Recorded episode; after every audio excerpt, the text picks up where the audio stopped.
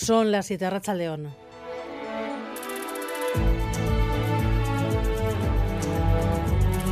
Gambara con Arancha García.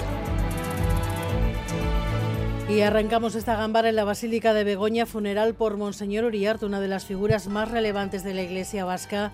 Centenares de personas le han reconocido su compromiso social y político esta tarde, también durante los días que ha estado abierta su capilla ardiente de Erne Frontera, Rachaldeón.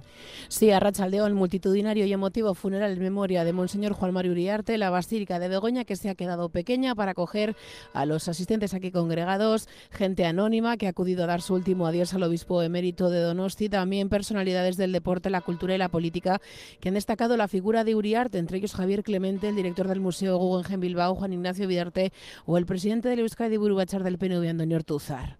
Una persona extraordinaria, un referente desde el punto de vista humano, también desde el punto de vista religioso, por supuesto, pero una de esas personas que marcan un antes y un después, ¿no? ¿Cómo voy a recordar? Pues como un amigo. Y no se va a olvidar, o sea, eso está claro, ¿no? No es buen día hoy, no. Gracias, eh, entre otros, a, a, su labor, pues hoy tenemos la Euskadi en paz que tenemos, ¿no? Un hombre de puentes. Yo creo que la expresión aquella que nos decían de Euskaldun Fededun, pues la encarna perfectamente. El funeral ha sido oficiado por el obispo de Bilbao, su discípulo Joseba Segura, también concelebrado, entre otros, por Fernando Pardo y Juan Carlos Silizalde, obispos de las diócesis de San Sebastián y Gasteiz.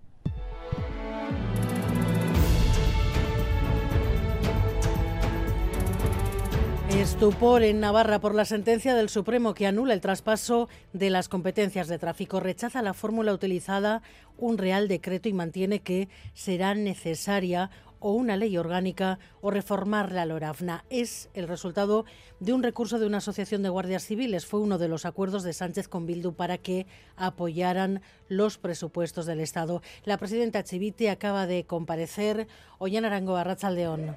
Arrachaldeón va y la presidenta Chivite se ha mostrado sorprendida, primero porque han conocido esta sentencia por los medios, después defiende la vía del Real Decreto, era la mejor opción, dice, avalada por los servicios jurídicos del Gobierno Foral y el Parlamento, por lo que asegura que la sentencia no casa con la jurisprudencia anterior del propio Tribunal Supremo. En todo caso, Chivite asegura que van a actuar para que la competencia de tráfico esté en Navarra y que optarán por una de las dos vías que ha abierto el Supremo, o modificar el amejoramiento o a través de una ley orgánica, siempre buscando, dice Chivite, el consenso político en Navarra. Y hoy el presidente del Partido Popular comparece así, aupado por los resultados en Galicia. El gobierno quería hacer de estas elecciones un problema electoral del PP y ha sido una gran oportunidad política para España. Nuestro partido ganó. El partido de Sánchez se estrelló. ¿Quién ha visto y quién ve al Partido Socialista? Que están entrando en la irrelevancia política, no solo en Galicia. Y todo para salvar la presidencia del gobierno. Feijo, que se deshace de la presión de los que ligaban su liderazgo a mantener la Junta y apuntala su estrategia contra Sánchez. Aunque Galicia haya demostrado que españolizar la campaña no era la fórmula, las elecciones se siguen leyendo en clave española. Un error para la líder del BNG, que estudia, por cierto, llevar a tribunales la campaña sucia contra Ana Pontón del Partido Popular. Santiago María Ruiz. Sí, ese es el punto negro de la campaña según los nacionalistas gallegos y dan un paso más. No descartan ninguna opción, estudian medidas legales, lo decía Ana Pontón. Y en esta campaña vimos a un Partido Popular utilizando a mentira y a difamación. Yo creo que en política no vale todo y hay aspectos que vamos a estudiar y en todo caso cuando los tengamos estudiados comunicaremos si hay alguna comunicación que hacer es la reacción a una campaña llena de acusaciones como la relación que el PP hizo entre el BNG y ETA. Por lo demás, miran ya hacia adelante. No gobernarán, pero piden a sus votantes que mantengan viva la esperanza. El cambio, aseguran, acabará sucediendo.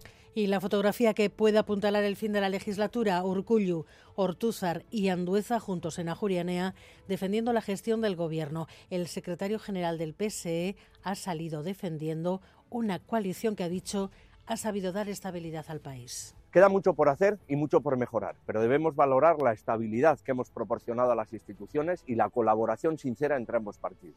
Hoy, sobre la fecha de las elecciones, dos reflexiones, la del candidato del PNU, Manuel Pradales, y la de Arnaldo Tegui. Ekainan egiten badira, gehienak hautagai berria gara horrek bentaja ematen du, ezagutza aldetik. Baina egia da, Espainiako markoak edo Europako markoak ere eragin dezakela. Baina apilian badira ere, aukera dago, bai Feijok eta bai Sánchezek, e, bueno, ba, hemendik e, kampaina itxeko, ez da. Que no tiene mucho sentido seguir jugando a esto de la gallinita ciega porque todo el mundo sabe que las elecciones van a ser probablemente en abril, así que espero que despeje cuanto antes esta incógnita.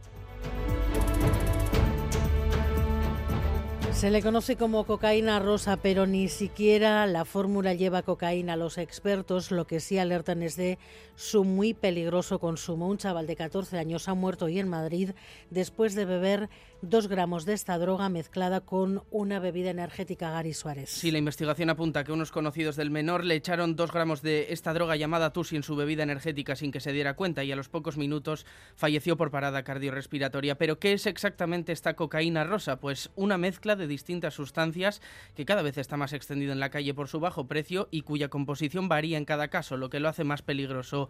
Leire Urigüen es investigadora de la Facultad de Medicina de la UPV. Una mezcla de diferentes drogas como ketamina, MDMA y cafeína. Como varía tanto la composición, es muy difícil prever los efectos que va a tener. Sí que se está empezando a utilizar de manera preocupante, sobre todo porque es de bastante fácil acceso, no demasiado cara y el problema que tiene es que ni siquiera sabemos qué es lo que tiene. Cada vez que se encuentra tiene unos componentes diferentes, unas proporciones diferentes. Una droga que puede ser mortal si se mezcla con otros estimulantes como por ejemplo bebidas energéticas. Y varios puntos con problemas en carreteras a esta hora en la Nacional 638 en Ondarribi, en la rotonda del aeropuerto.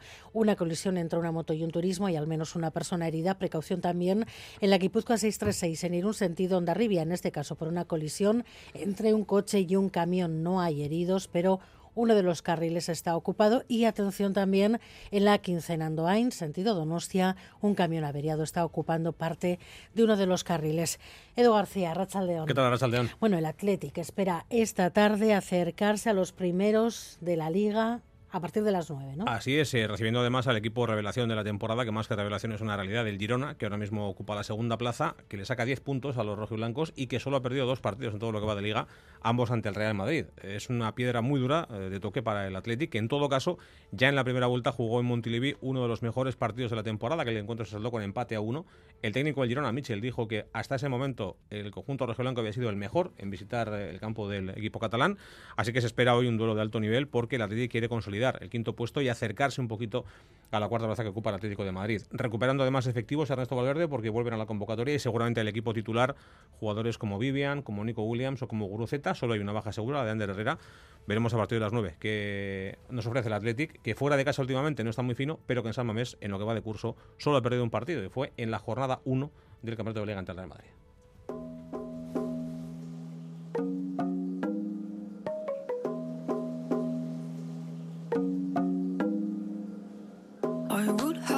Through fire to kiss your lips.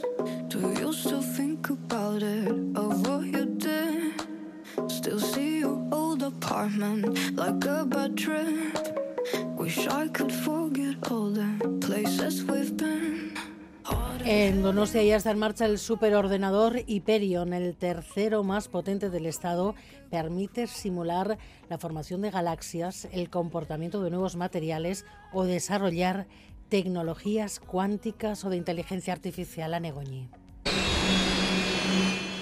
Así suena Hyperion, el superordenador que ya utilizan más de 500 investigadores vascos y que está ubicado en el Donostia International Physics Center. Su antecesor, Atlas, tenía la mitad de capacidad que Hyperion, que cuenta con 14.000 núcleos y 150 terabytes de memoria RAM. Joaquín Bildarratz, consejero de Educación. Hyperion ya se utiliza, entre otros proyectos, para simular la formación de las galaxias, el comportamiento de nuevos materiales, desarrollos en tecnologías cuánticas, en inteligencia artificial o en química computacional.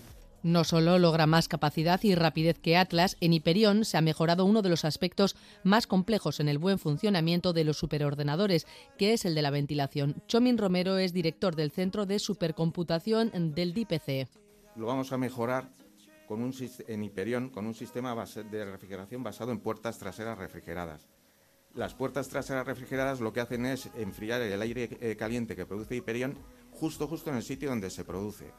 Esto eh, es la manera, una de las maneras más eficientes de refrigerar un, un supercomputador. El Centro de Supercomputación del DIPC aspira a convertir Hyperion en el segundo superordenador del Estado con 30.000 núcleos y 30 terabytes de memoria RAM.